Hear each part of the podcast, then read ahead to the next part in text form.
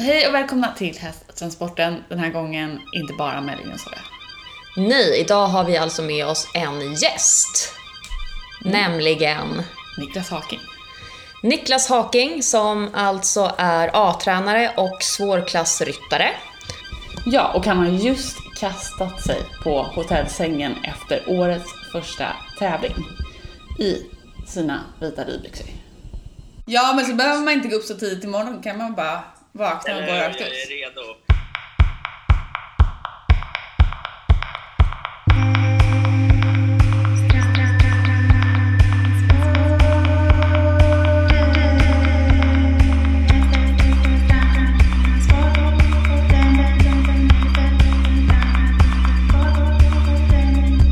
Men det, där, det här känns som så här, jag lyssnade på någon moralgrej i P3, de hade så saker man fick och inte fick göra på hotellrummet. Eh, och då tänker jag så här, att lägga sig med ri- ridkläder i hotellsängen skulle kunna vara en sån liksom, Säkert. do's and don'ts. Jag Ja, säger absolut eh, att man får göra det. Jag är för. Jag tänker så här att jag kan sova på andra sidan sen. Mm. Ja, ja, det är bra. Ja, jag har varit på eh, typ eh, fem husvisningar senaste veckan i ridkläder också. Riktigt Nej. Ja, det är också sånt som jag känner så här, oj, ja, här kommer jag och kontaminerar. Jag tar av mig skorna. Men Ja, ja, ja. ändå. Men jag kollar ju i närheten av stallet. Det blir jättekonstigt att åka hem, duscha och sen Mm. åka tillbaka till huset. Hela poängen är ju att huset ska ligga närmare stallet. Sant. Mm, det tycker Ni jag. dricker vin också? Ja, vi, det måste vi göra när man poddar. Visste inte du det? Nej, jag, grejen är så här, när jag träffade Stephanie Holmén då kom jag med en flaska vin till henne, för jag känner ju henne. Ja. Och så bara, hon bara, jag har redan druckit. ja. Men jag tror, fa- jag, jag tror att ni, inofficiell statistik säger att nio av tio poddare super medan de poddar. ja, det stämmer nog. Okej, nej då, då, då, då jobbar jag nyktert hela tiden. Ja, vi brukar få dricka vin när vi har gäst. Ja, Så brukar då, då är det fest. Ja, precis. precis. Ja, Skönt. men Det är dumt för då brukar ju gästen också bli bjuden på vin men vi eh, Ja. får ja, Zoom-skåla. Okej, men du är i Kalmar nu. Jag är i Kalmar, årets första tävling. Hur har det varit? Eh, blåsigt, men eh, jag tycker hästarna har väl skött sig bra. Jag är väl också lite ringrostig, så det tar lite tid att komma in i det. Men eh, jag råkar bli avstängd. Va? Ja! Hur blir man Jag var- det nu för tiden? Jo, men jag missade ju. Grejen är att jag har ju 1,50 resultat och sånt. Och de har försvunnit. Och sen har jag den ena hästen som jag hoppade idag, så var jag nolla, så var jag femma eller något sånt där. Då visade det sig att eh, han har hoppat felfri förut, men då har jag haft ett tidsfel i omhoppningen med honom. Så då var inte han kvalad. Det har ju inte jag tänkt på. Nej. Så att jag missade det helt och hållet. Så att, eh, jag var felfri, blev med avstängd. Nej! Så att det var så här, oj. Det var väl lite, det, var, det är mitt eget ansvar. Egentligen är det ju. Men eh, jag har inte ens tänkt på tanken. Så pratade jag med en överdomare som jag känner nu efteråt. Hon bara, jo men det är så. Mm. Jag bara, okej. Men hon sa hon att det hände hela tiden. Jag bara, ja okej. Det viktigaste är att hästen hoppade bra och så, så är jag rätt nöjd ändå. Ja. Men vad betyder det- det att det, du är avstängd nu då? Ja, det är bara att jag är avstängd i klassen. Okej, så det är inte liksom Ja. någonting som kommer vara i liksom framöver på tävlingar? Nej, nej, nej, nej. nej, nej. Utan det, det var bara för klassen för att jag var tydligen inte kvalad. Och det är liksom, jag har vunnit 1,50 men det är... Och liksom, ja, det gäller inte längre. Ha. Så att då, då missade jag det. Så det är väl någon så här hundradels sekund som gjorde att jag blev avstängd. Då. Fan vad tråkigt. Ja, nej, men det är sånt. Det är sånt i livet. Men hästarna var fina faktiskt. Så att det, det var skoj. Och du- Skönt att komma igång. Ja, och du hoppar imorgon också eller? Ja, imorgon också. Vad är det för klasser imorgon? Eh, den ena får då hoppa 1,30. Han skulle gå 1,40 men det får jag inte göra. Nej. Så att förhoppningsvis så hoppar jag 1,30 så han får hoppa felfritt så att eh, vi kvalade. Och eh, den andra går nog 1,40 tror jag. Jag suger på karamellen. Yes. Men den är kvalad. Ja. Jag var tvungen att dubbelkolla bara för säkerhets skull. blev jag så här helnöjd. Ja, men tänk om inte den är kvalad. Så att, men eh, det var hon, så att det var inga problem. Okej, skönt. Men du, som eh, tränare och ryttare, liksom, hur analyserar du din, dina runder idag? Oj, jag har inte ens hunnit titta på filmerna överhuvudtaget för att eh, det gick i ett. Eh, jag tycker den första hästen... nej men det jag lite grann känner efter, jag hade en plan när jag skulle rida idag. Eh, jag hoppade först 1,20 med en häst och eh, det enda jag ville göra att han skulle slappna av lite grann för han är väldigt, väldigt spänd och tittig. Och det var den hästen jag hoppade 1,35 med sen. Eh, så det var bara att rasta av honom i en klass. Mm. Och jag tycker jag gjorde precis det jag skulle och han var ju felfri 1,35 men tills jag blev avstängd. Så att, eh, då, måste jag säga att han var fantastisk. Mm. Min andra häst hon var lite mer piggare än jag hade förväntat mig. Jag trodde inte hon skulle vara så pigg som hon var. Och Då blev hon lite vild. Hon eh, ja, blev lite väl taggad. Eh, så det blir inte lika ordning och reda som jag vill att det ska vara. Men eh, då tänker jag att det blir perfekt till imorgon. Då när du känner att hon är lite piggare än vanligt, liksom, kan du ändra din ridning då? Eller blev det liksom att hon kom in på banan efter framridningen och taggade till lite för mycket så att det är svårt att liksom ändra planen då? hon var redan taggad på framhoppningen, men det, det är också lite grann så här, desto mer jag tar i henne, desto mer springer hon. Mm. Och då gäller det lite grann när en häst, när hon springer, och våga släppa taget och släppa kontrollen. Och det går ju emot lite sunt förnuft. Man, Mm. liksom, när hon springer då vill man ju säga nej, men det är bättre att bara, okej, okay, man vi kör. Så att eh, jag får göra det imorgon istället med henne. Så tänker jag att jag trimmar hästarna imorgon bitti också, så att jag får jobba dem lite grann. Vad är det här för hästar? Är det här dina egna hästar? Eller? Nej, jag äger en av hästarna. Eh, jag köpte den för, jag vet inte, ett år sedan och fyra månader sedan. Sen eh, hon varit sjuk. Hon har varit sjuk jättelänge. Och, eh, hon hade en något som heter blodkärlstumör i skallen. Oj! Ja, och grejen är att så vi har, veterinären har ju öppnat upp hela skallbenet på henne och tagit bort tumören och hon är tillbaka Helt, och är, är helt friskförklarad. det är Wow. helt galet. Men hur Ja. upptäckte ni ens det? Liksom? Jag märkte att hon var matt och jag tyckte liksom någonting var inte som det skulle vara. Och det jag gjorde lite grann, eh, ja, sen var jag nere hos Jens Fredriksson och tränade och då blev det näsblod. Nej. och bara okej, det här är något konstigt. Så vi tog ett blodprov. Eh, det visade att hon hade lågt blodvärde så vi gav henne antibiotika och massor med sådana saker. Och bara gav henne lugnt. Men jag märkte liksom även när jag skrittade och gjorde någonting med henne så var hon liksom andfådd och hon tyckte allting var så jobbigt. Hon kom in någon dag från hagen och blödde näsblod. Jag travade någon gång och blödde näsblod. Då skulle vi göra endoskopi på henne när man går in i näsan. Mm. Eh, Så jag åkte till min veterinär eh, Lotta Wallin. Eh, Så gjorde vi det. Och hon är, det är världens snällaste häst och vi gjorde ju utan bedövning eller lugnande. Eller något så här. Kör- Liksom, kör upp i näsan med endoskopi. Och hon bara står där så ser man att okej, på högersidan är hon lite irriterad. Jaha, så tog vi nya blodprover igen och det visar fortfarande dåligt blodvärde. Så kommer hon tillbaka efter en kvart och så bara, vi röntgar skallen. Och jag bara, va? Jag har aldrig varit med om att man röntgar skallen på en häst. Nej. Och på röntgen då hittar de en, ja, en tumör. Bakom bihålorna som ligger och trycker så att det blir att gå med konstant huvudvärk hela tiden. Så att tre dagar senare så lämnade henne, så opererade de henne. Och då liksom, ja, de borrade upp hela skallbenet på henne. Och tog bort den. Och så fick jag hem henne några dagar senare, men då var hon ju så tagen efter operationen och det var liksom, jag skulle gå och gå med henne bara, men det gick inte ens att gå med henne. Så jag fick köra ner henne till veterinären igen. Så hon har stått där, stod där, jag vet inte, i tre, fyra veckor. Och sen har hon bara kommit igång och nu är hon back in business. Så att det är jättekul. Och det är min egen häst som jag äger själv. Eh, jag köpte den i England av några som jag brukar köpa hästar av.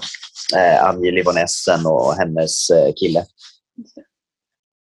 Eh, så jag har henne och sen har jag en häst som heter Serendipri.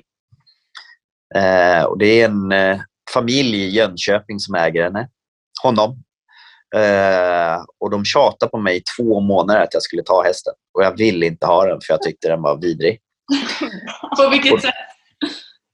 Alltså han är så otroligt spänd och lite grann, eh, jag fick se några filmer på honom och då hoppade han, han landade nästan jämfota för att han var så spänd. Så jag bara nej, nej, nej. Och sen så tjatade han i två månader och sa okej jag tar en, en månad på prov. Så gjorde jag det och jag har kvar honom, jag har haft honom ett år nu. Mm. Och det är en jättefin häst men han är väldigt, väldigt svår för att han är ju så himla spänd och han är tittig. Han är bakskygg, han är rädd för ljud. Och då gjorde vi, jag var nere med honom hemma hos Jens Fredriksson och hoppade honom. Och så sa jag till Jens, okej jag har den här hästen, du får säga ärligt vad du tycker. Ska jag bara göra, liksom, säga att de får ta tillbaka den? Eller liksom. Och nej, Jens gillade den. Så Mm. att eh, jag har kvar den. Men det är lite grann, han är så här lite flyktbenägen, så hör han eller någonting, blir rädd för någonting, då skenar han. Mm. Och det kunde hända att du red mot ett hinder och han bara satte full fräs och bara skena i liksom, panik. Och desto mer du tar dig igenom, desto mer eh, skenar han. Så jag fick göra raka motsatsen, så jag släppte allting. Och då slutade han springa. Så att nu är han mycket coolare och allting sånt nu. Så att eh, nu... Men jag tror att den kommer bli jätte, jättefin och jag kommer hoppa stora klasser med honom. Mm. Hur gammal är den? Han är tio. Båda är tio. Så jag Men- har bara två hästar. Ja, men du har inte blivit rädd för den där då? Nej, nej, nej. nej. Nej? Blir du aldrig rädd? Så, jo, det är klart man blir rädd. För att eh, grejen är man vet hur mycket energi det är i honom. Och det är likadant som idag. Tänkte jag, okej jag hoppar en klass så att han får hoppa av sig. Men han var mer piggare i andra klassen och ändå taggad. Mm. Och jag vet att han kan göra saker så att man hänger löst. Jag har inte flugit av honom än, men det är, ja, man vet aldrig vad han gör. Nej. Men det är, det är charmen i honom. Jag på något sätt gillar honom och sen är det otroligt bra ägare Mm. och det gör livet lättare. Mm. Så i dagsläget så har jag bara två hästar för jag hinner inte med mer. Är det för att du jobbar så mycket? Alltså som tränare? Ja. Ja. Plus att jag har min podd och så har jag tv-serien på EQ Sport. Vilket gör att ja, men jag är borta. Jag tror jag har träningar minst sex dagar i veckan. Och då är jag allt från eh, jag är i Linköping, jag är i Kalmar, jag är i Falun, jag är i Karlstad, jag är, alltså, jag är överallt. Vadå? Jag tänker så här, du har flyttat till Skåne, då ska man väl få vara i Skåne? Men du bor i Hall- i Hall Halland? Jo, Halland. Jag Halland. bor i Halland. Herregud, Linn. Jo, men jag har ju träningar Ja. också i Halland, i Halmstad. Men eh, sen har det blivit så här att ja, men, man blir efterfrågad på vissa ställen. Kristianstad är jag ju också. Mm. Och sen Falun har jag haft i, och jag vet inte hur många år jag har varit i Falun. Och då är det liksom, jag gillar människorna och det är jättetrevligt och då vill jag gärna träffa dem igen. Mm. Och då, då har jag liksom samma elever hela tiden och det är jättekul. Och Då vill jag liksom, ja, så att det blir att man åker en hel del bil. Men känner du att du hellre vill satsa på liksom, tränargrejen då än din egen ridning? Eller är det liksom bara så det ser ut? Nej, nu, nu, nu, nej, nu har jag i alla fall, nu, de två hästarna jag har, de är helt fantastiska. Jag tror på dem jättemycket, de är jättefina. Eh, så jag tror att de kan göra väldigt mycket. Så att jag vill satsa på de två, men jag kommer inte ha tid med mer hästar och sen vill jag ju satsa på träningarna också för att jag tycker att det är jättekul och jag har fantastiska elever. ja, men vad är då en fantastisk elev? Oj, alltså för mig, det spelar ingen roll vilken nivå. Det gör det inte. Det viktiga är för mig att de är intresserade och vill lära sig. Och att de är hungriga. Det, det är liksom det viktigaste. Så då spelar ingen roll om de rider 1,50 eller om de rider en meter. det viktigaste för mig det är att de vill lära sig och är hungriga och liksom, eh, nyfikna. För det jag på träningarna, jag är inte där tycker jag för att säga att allting är bra. För då lär de sig ingenting. Nej. Utan när folk kommer på mina träningar, då vill jag att de ska lära sig någonting. Har de inte lärt sig någonting, då har inte jag gjort mitt jobb. Är du hård? Jag vet inte. Det kan jag inte fråga mig egentligen. Du verkar ju väldigt uh, på, på liksom Eckersport-TV. Men tänkte jag då när kameran är på så kanske du liksom är snällare i vanliga fall. Ja, men jag åker och tränar själv till Jens Fredriksson och det ger mig inspiration när vi taktikar om saker. Jens kallar det inte träning när jag tränar, han kallar det session. Så säger han alltid, jag, jag gillar våra sessions. Vi kan bli så här, för oss två, det kan vara att man hoppar ett hinder och det är liksom bara känns så jäkla nice. Och då blir vi så här, vi är sådana nördar så att jag och Jens bara skriker och liksom bara ja! Och blir bara så nöjda för ett språng för att bara hitta den här magiska känslan. Alltså det blir så här, det är lite speciellt men uh, vi går igång så mycket på det när man hittar det där lilla speciella. Och det är helt magiskt. Du brukar skratta åt mig för att jag, eller Linn brukar reta mig för att jag alltid skrattar eh, när det är efter ett bra språng. Ja, du blir väldigt glad efter jag blir väldigt bra, glad. ja. ja, men det, det, är ju, det är ju lite grann som jag vet, Sten, vad heter han? Ingmar Stenmark. När han gick i, i början av sin karriär, då hade han ju inte så här superbra åk. Men då gick han i innan banan, gick han igenom sina bästa skär för att hitta det i kroppen. Och det är ju samma sak, att man vill hitta den här känslan i kroppen när det bara allt, det var bara, åh, det gäller ju precis hitta det språnget och bara fortsätta ha den känslan i kroppen. Men måste man inte vara, för det är det som blir mitt problem, varför Linn skrattar åt mig, är ju för att då Alltså måste man inte vara lite cool och lite liksom blasé för att kunna behålla liksom koncentrationen på vad, vad man ska göra härnäst? Det, det är för mig. Inte om man bara hoppar ett. inte om man bara hoppar ett. Nej, inte om man bara hoppar ett hinder. Men och tyvärr inne på banan, tävlar man då är det liksom svårt att bara wow och så tappar man bort sig. Men på träning då kan jag vara också så. Så kan jag hoppa ett hinder och då kan jag asgarva bara för att det pirrar till lite i magen lite extra och jag blir liksom bara så här.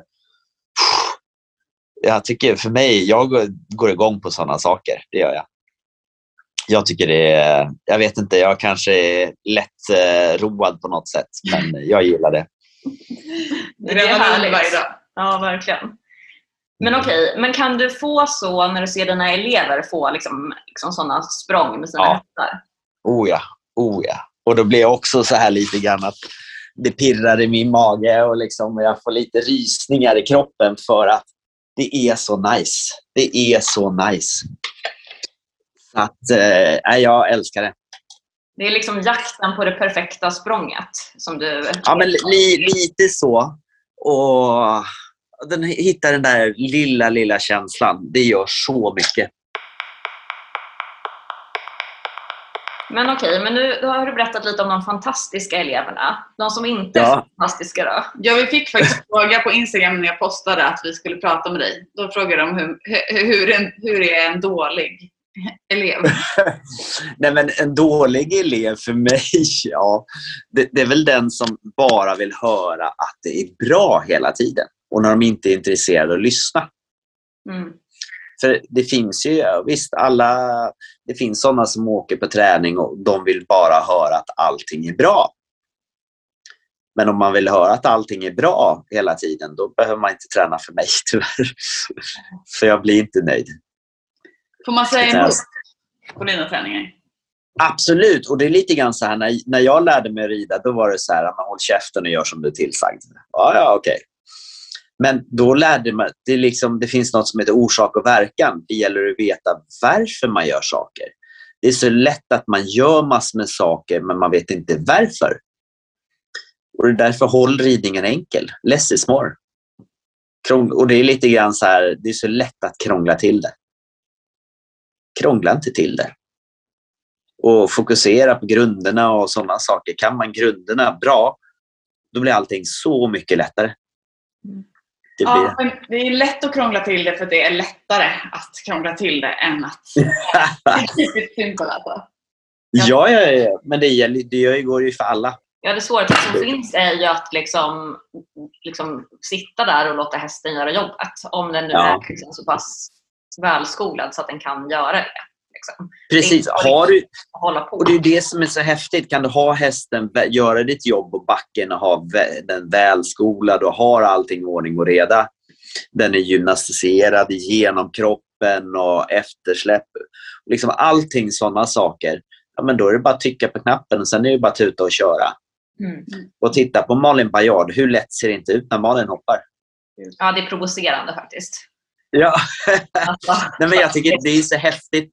Det är liksom när det ser lätt ut, det är då det är rätt. Ja, men nu pratar ju du med två idioter som har varsin unghäst som inte på något sätt är välskolade ännu eller väl gymnastiserade ännu. Eh, nej, har du några, vad har du för goda råd där? För där ser det ju fan aldrig lätt ut. nej.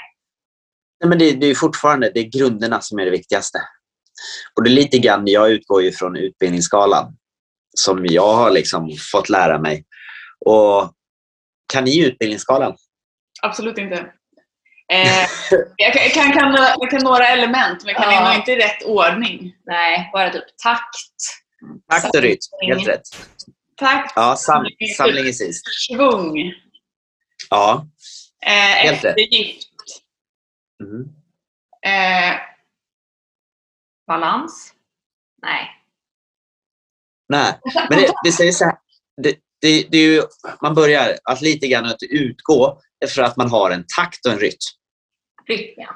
Just det. Takt och rytm. Mm. Sen vill vi ha kontakt. Vi vill ha kontakt mellan skänkel och hand. Mm. Och Det är ju någonting vi strävar efter. Och Det här är också så lätt, det ser jag också och jag vet själv hur svårt det är.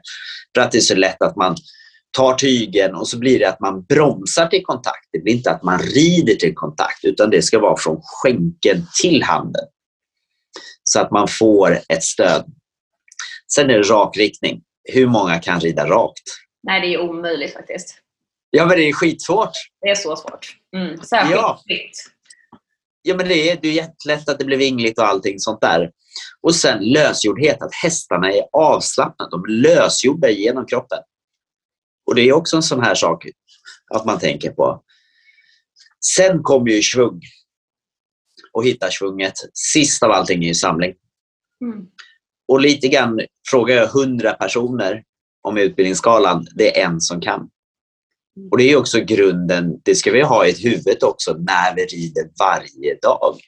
Men tänker du då, när du säger varje dag, tänker du då att man också skulle kunna bygga upp sitt pass så? Alltså typ en framridning, bygga upp ut efter utbildningsskalan på den, på den detaljnivån? Absolut, absolut. Och att man utgår, även när du säger när du börjar trava fram, okej, har jag en takt? Har jag en rytm? Okej, har jag kontakt med hästen? Har jag den mellan skänkel och handen? Och likadant, ja, men kan jag rida rakt? Det är sånt man ska sträva efter hela tiden. Är hästen lösgjord? Det är sådana grejer hela tiden och när, häst, när de är där, ja, men då kan man börja sätta svung och sen samling ur det. Och just att vi hela tiden tänker att vi ska rida till kontakt, inte bromsa till kontakt. För det är så lätt att man bromsar till kontakt. Ja, Jag känner nu att vi ska göra quiz till, vi ska eh, ha det som nästa quiz Mm. till poddlyssnarna. Utbildningsskalan. Gör det. Ja. Absolut. Som en, eh, sen som är en eh, folkbildningsinsats eh, här. Till, oss, till oss själva också. Till oss själva. Ja. Nej, men ibland när man kommer till så här jättegamla ridhus så kan det vara en tavla på väggen eller någonting sånt där och då sitter utbildningsskalan där. Det är som Jens Fredriksson också säger, ja, men på vintern då är det back to basic. Det är liksom då vi sätter ribban för hela säsongen. Sen kan man jobba på detaljer men grunden måste sitta. Men när det inte funkar då? Hur blir det för dig då? Blir du liksom blir du sur eller blir du så här, okej men nu, nu det här ska vi träna mer på? jag blir med nu ska man säga träna mer och det är någonting jag har aldrig kommit till det stadiet att jag liksom känner att åh, det här är så perfekt, det kan inte bli bättre. Eh, jag är all, det är alltid saker som kan bli bättre och när det blir frustrerande, ah, jag måste träna mer, jag måste träna mer. Mm. Och så åker jag hem och så försöker jag träna nu. Jag har ju inte tävlat nu i år sedan eh, ja, det var väl i början av oktober förra året. Okej, okay, det har varit corona och allting sånt där. Sen fick vi ju tävla, men jag har ju valt att inte tävla. För jag har känt att nej men, nu ska jag ta det här tillfället i akt och träna. För förut har jag alltid varit så här, okej, okay, tävlingarna börjar idag. Äntligen. Det är ju precis i slutet av året när man inte är några tävlingar Då har jag fått så här abstinens och bara, okej, okay, första tävlingen, brukar vara Åstorp i Skåne. Det är typ i, i början av januari. Jag ska dit. Det har alltid varit så. Nu, nu är jag bara, nej, vi väntar lite, vi väntar lite. Nu trimmar jag på lite till och så jobbar jag på ännu mer. Så håller jag på sådär. Är det här att bli vuxen? Nej, det vet jag inte. Jag blir nog aldrig vuxen tror jag. det, jag har mitt barnasinne kvar och jag blir väldigt lättroad för saker och ting. Mm. Men jag tänker att det är, eh. egentligen, det är schysstare mot hästen att göra sådär också. De Absolut. Men det har också alltid varit så här, men jag älskar att tävla och det har alltid varit så att okay, måste, man måste prestera och man måste göra det hela tiden. Nu har jag mer varit så här, nej nu tar vi tid på oss. Nu, nu gör vi det lugnt, ordning och reda. Och... Men för det tycker jag ändå är skillnaden från när jag var yngre. Då vill man ju tävla för tävlandets skull. Och det var ju också ja. egen skull. Och ibland så blev det då på kanske hästens bekostnad. Man hade inte tränat tillräckligt mycket på vissa saker och sådana saker. Och så skulle jag ju aldrig göra nu. Nu liksom tränar jag ju så att jag är så pass förberedd, eller så att min häst är så pass förberedd mm. vad det är den ska göra. Annars kommer inte jag åka ut på någon tävling. Alltså min unghäst, eh, han har inte varit på någon tävling än. Eh, nu får han inte tävla heller. Liksom, eller vi får inte tävla. Han, har inte varit redo för det heller. Liksom. Nej, och det där är också, precis som du säger, det är så lätt att man vill komma ut och tävla hela, hela tiden. Men någonstans är det bra bara att börja träna och göra det ordentligt hemma. Det, jag hade faktiskt för ganska många år sedan så kom en eh, elevs mamma till mig och sa till mig att ja, det är så dyrt med träningar och tävlingar så att min 14-åriga dotter har fått bestämma själv. Hon fick välja mellan att tävla eller, eller träna. Så hon valde att tävla. Så att vi kommer inte mer på träningarna. Ja. Jag bara, okej, okay, ja, ja visst. Så, så sa jag ingenting mer. Men eh, det är också, jag, jag tycker det är kul och själv personligen, jag älskar att träna. Jag tycker det är jätteroligt. Mm. Det är he helt fantastiskt. Så att nu vill jag ju träna nästan mer än man vill tävla. Men vem är din liksom, eh, favorittränare då? Oj. Alltså jag har haft fler, ganska många tränare. För jag började ju träna för min pappa. Sen har jag ju tränat för Leif Nilsson, jag har tränat för Sylve Söderstrand, jag har tränat för Henk Noren, Karsten Hook, eh, Manuel Fernando Saro, jag har tränat med Peter Markne, Peder Fredriksson, Lisen Bratt, Jens Fredriksson. Det är lite grann så här att jag har någon slags filosofi att ja, men man tar lite grann av alla. Mm. För alla människor är olika, alla hästar är olika och det finns inte ett rätt sätt. Det går inte.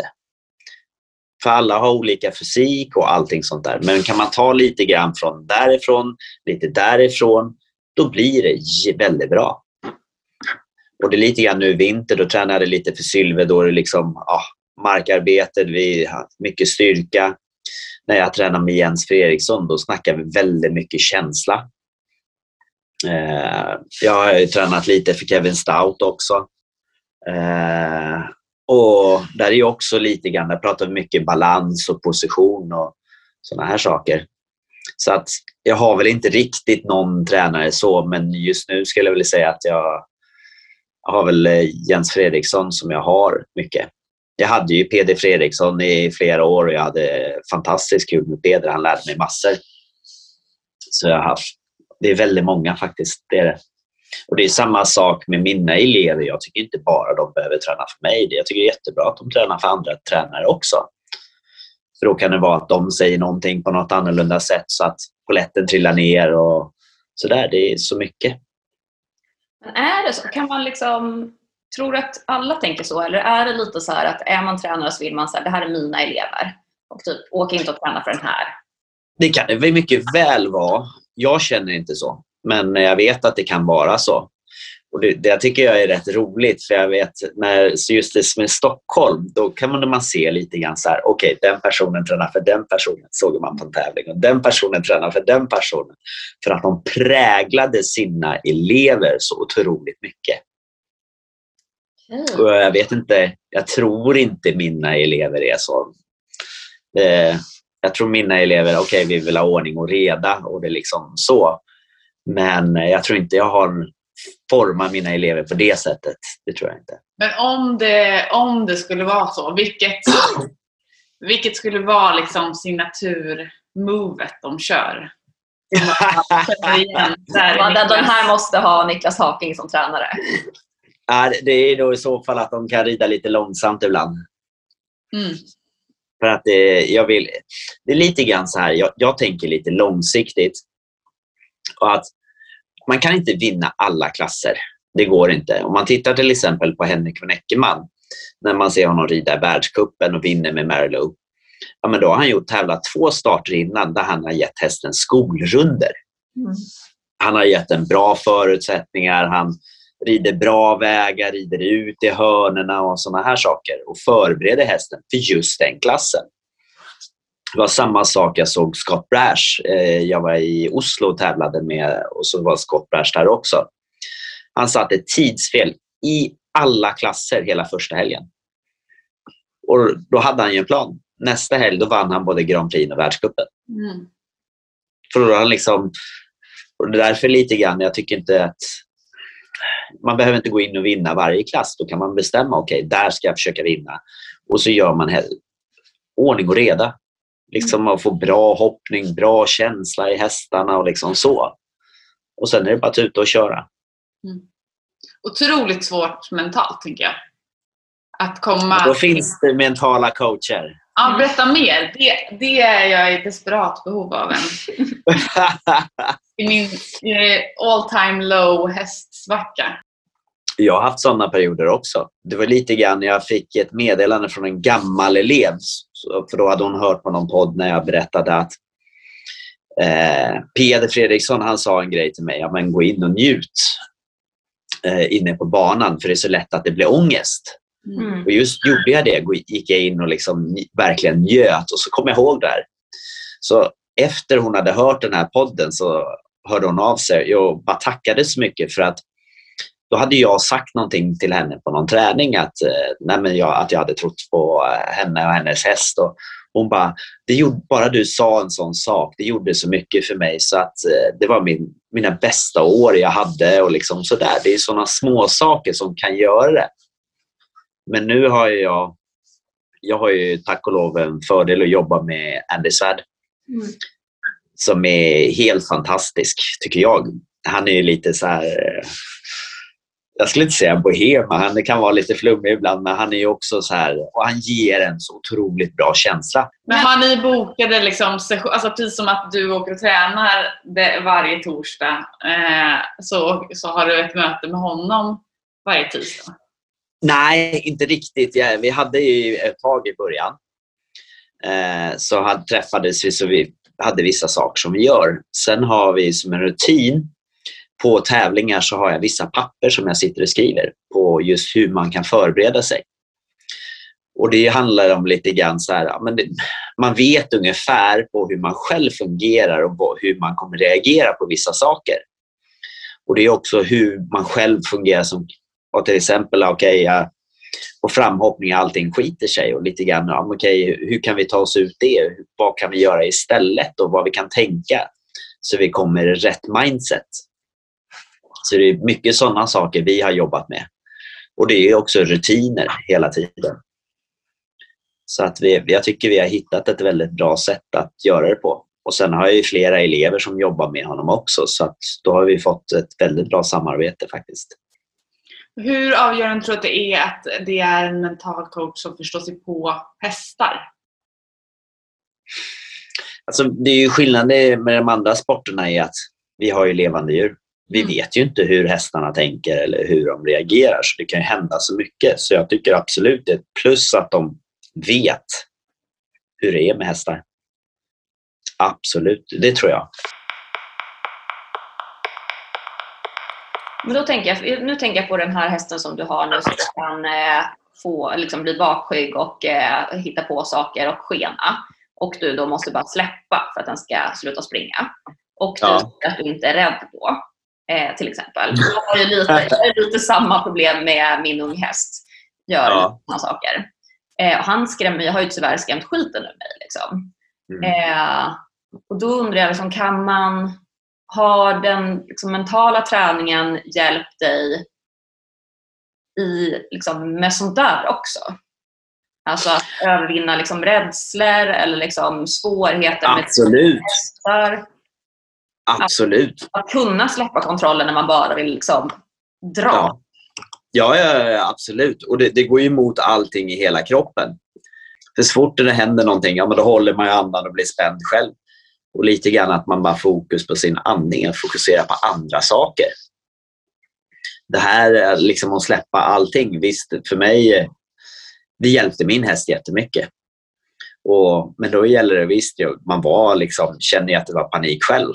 Men då var det liksom bara, okej jag släpper det och så bara och då andas jag själv och blir lugn. Och då blir hästen lugn också. Vi påverkar ju hästarna väldigt mycket. Och sen lite grann är det, det är så lätt att blir man rädd för hästarna då blir det som en ond cirkel också. 100 procent. Och då får man ju bara försöka byta mönstret på något sätt. Ja, jag tror att det är mental träning du och jag behöver Ja, börja med faktiskt. Fast Men- det är jätteintressant. Det är väldigt roligt när man väl kommer in i det. Det är det. Mm. För jag höll, hade inte höll på med sånt förut. Och sen, jag vet vissa, Henrik Näckerman håller ju inte på med något sånt här. Det är liksom, nej det behövs inte. Men vissa gör det så mycket för. Ja, men det tror jag också. Alltså, jag jobbar ju med att liksom, prata med barn och ungdomar om svåra saker. Så jag vet ju liksom allt det här Ja. att applicera på andra liksom, i liksom, allting med KBT och liksom, alla andra möjliga Mm. grejer. Men när det kommer till mig själv så blir det så här, äh, äh, äh. Mm. Nej, det är så mycket jobbigare att jobba med sig själv, lättare att jobba med andra. oh yes, det är det verkligen. Men jag, apropå mentala saker och liksom vart, alltså så här startpunkt. Så jag lyssnade på din, din podd där du blev intervjuad. Ja. Och tyckte jag, liksom det jag kände, eller en sak som jag, liksom, ett intryck av den, liksom, det avsnittet var att liksom att det känns som att du måste ha ett ganska mycket så här, jävlar anamma i dig för, för att det, från, från start. Liksom. För att det känns som att det är ganska många längs vägen som har liksom erbjudit ganska sådana eh, djupa så, mentala falluckor. Eh, Mm. alltså så här, jag tänker typ, alltså både, dels att dina föräldrar till exempel inte, inte uppmuntrade din ridning fast när du ville rida, som du berättade då. Men också Ja. det här att det här tyska stallet du var i, försäljningsstallet, att, liksom, att rida in hästar på sex dagar, hur de än Ja. betedde sig. Också så här känns som en total, liksom, alltså hade kunnat vara en total liksom, nedbrytning av en. Liksom. Eh, Ja, absolut. tänker du kring liksom, din historia och det liksom, mentala? Alltså det, det går ju upp och ner hela tiden. Eh, och det är ju som livet är. Och ibland tror man att man ska ge upp och sen så bara fortsätter man ännu mer och så kommer det bara bra saker ut av det hela tiden. Mm. Eh, så jag tror någonstans, ibland behöver man bara bita ihop och bara fortsätta, fortsätta, fortsätta så släpper det. Vad är det då som får dig att fortsätta tror du? För mig är det nog kärleken till hästarna och sporten eh, i huvud taget som har gjort att det liksom... Och att jag har ju provat att göra andra saker men jag kommer ju alltid tillbaka till hästarna och det är det jag brinner mest för alltid, oavsett. Och jag, jag kan inte vara utan dem för att de betyder så mycket för mig. Eh, så att det är ju, jag älskar det jag gör och jag älskar mina hästar mer än någonting annat. Det, det är det bästa som finns och jag har ju offrat man har ju det var lite grann när jag var på en nattklubb en gång och så var det en tjej som sa just till mig, jag frågade så här, ah, vad gör du för någonting? Så berättade jag vad jag gjorde. Hon bara, du är singel va? Ja, sa jag. Jag förstår det. Så gick hon. Jag bara, okej. Okay. ja, vi har, ju, vi har ju faktiskt avhandlat några sådana här, vi har haft en psykolog en gång som gäst för att, som skulle prata med oss om våra relationsproblem eh, som följd av eh, hästeriet och då är vi ändå amatör, amatörer. Ja, ja, ja, ja. att det är hopplöst. Eh, vi, har, ja, vi har pratat om hur liksom, så fort folk ser en, en häst på en Tinder-bild så är det liksom, swipar man bort för att man vet att det är eh, Så det är ett återkommande tema det här med eh, hur, att ha eh, relationer och eh, hålla på med hästar. Eh, det var så roligt. För jag har precis haft middag med min, eh, mina hästägare och då berättade hon, eh, den ena eh, hästägaren, att hon har, hennes kille hade precis lagt upp en bild på hennes häst på Tinder. Så han använder det knepet för säkert att hitta hästtjejer. Right. Ja, det kanske, det, ja men precis. Det kan säkert funka åt båda, ja. åt båda hållen. Mm. Oh yes. Ja. Men du, hur ser ditt love life ut? Det har vi fått en fråga till eh, podden. Oj, oj, oj. Nej, det är, just nu fokuserar jag så mycket på hästarna eh, och träningarna, podd och Ecusport så jag hinner inte med någonting annat i huvud taget. Men får man inte mycket, får man inte mycket liksom invites när man är när man helt plötsligt är så tv-stjärna på Ekisport? Nej, jag kan säga det, det är mest killar som har hört av sig. Jag vet inte varför som har frågat hur, hur jag är lagd, men eh, jag är inte lagd åt det hållet. Ja, det. De killarna blir lite besvikna tyvärr. Ja, fattar. Men ändå kul att få lite liksom, uppvaktning av den Eller här hur? Det är värsta boosten. Ja, Gud, så smickrande tänker jag. Nej, men jag, har min, jag har min vovve också. Det är det bästa som finns. Ja.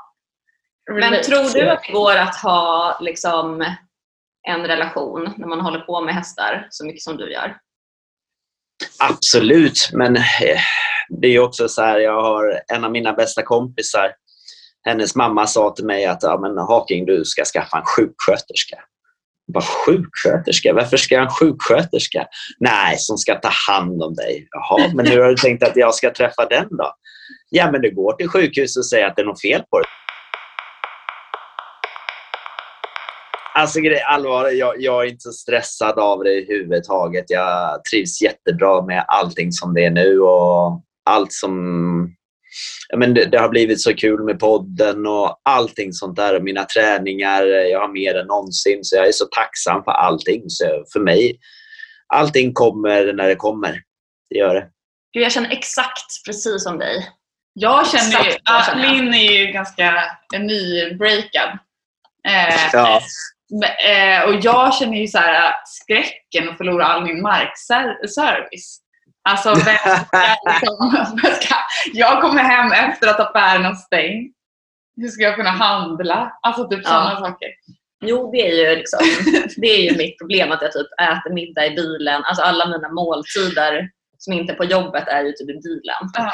Eh, Välkommen till klubben. Men alltså, jag är också så här, jag är så nöjd att så här, kunna fokusera på liksom, hästarna, hur mycket jag vill. Alltså kunna träna mer. Och sen har jag också så här, ja, men mina hundar. Eh, ja. Så nöjd. Jag tänker att det är också så här, jag tänker att det här är superpositivt men jag kan tänka mig att andra människor kanske är lite så här, ja, det beror på hur länge den här perioden har hållit på. Jag kan tänka mig att det här skulle också kunna vara för mig typ livet ut. Att jag tycker att det här är toppen. Eh, jag tänker att så, så finns det ju en liksom, baksidan med ridningen, att man blir lite besatt. Absolut, det blir det ju. Alltså, jag tror det löser sig. Jag, jag är inte så oroad det viktigaste är att man mår bra själv och trivs med det man gör. Min mamma hon har ju varit eh, singel sedan jag var sju år gammal. Mm. Sen hon skilde med sig pappa. Och hon, nej men hon har sina barnbarn och hon spelar golf och, och mår så bra. Och det, är mm. liksom, det viktigaste är att man mår bra själv. Och nu, som nu, jag mår jättebra. Jag har underbara hästägare, jag har eh, bra hästar, jag har en fantastisk hund och jag har superelever och jag har podden och Ecusport och livet är fantastiskt tycker jag. Det låter toppen. Du behöver liksom inte dejta för du har tillräckligt kul ändå. Men du, var är hunden nu då? Eh, hon är faktiskt hos min granne. Eh, för hon, eh, hon brukar alltid vara med, alltid. Men eh, och då, hon tycker inte alltid det är så kul att vara med på träningarna. Nej, Nej det är mycket vänta alltså.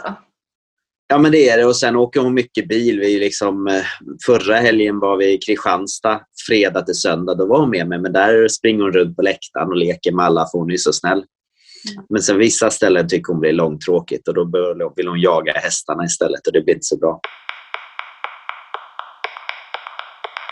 Vi har en, fått en fråga som är vilken är din favoritövning som, alltså, som du har för dina elever? Alltså man ändrar ju sig hela tiden genom åren. Men jag har en övning som jag gjorde tillsammans när jag tränade för Henk Nåren.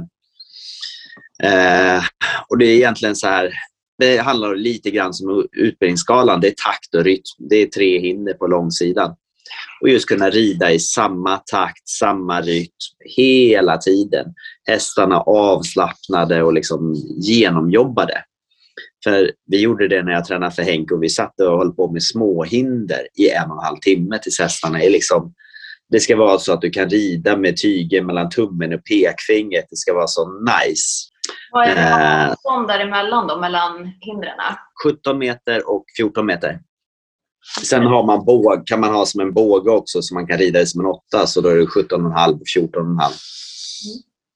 Och det, jag tror vi har gjort det någon gång på Meku Sport också. Och det är en av mina favoritövningar som jag älskar att göra.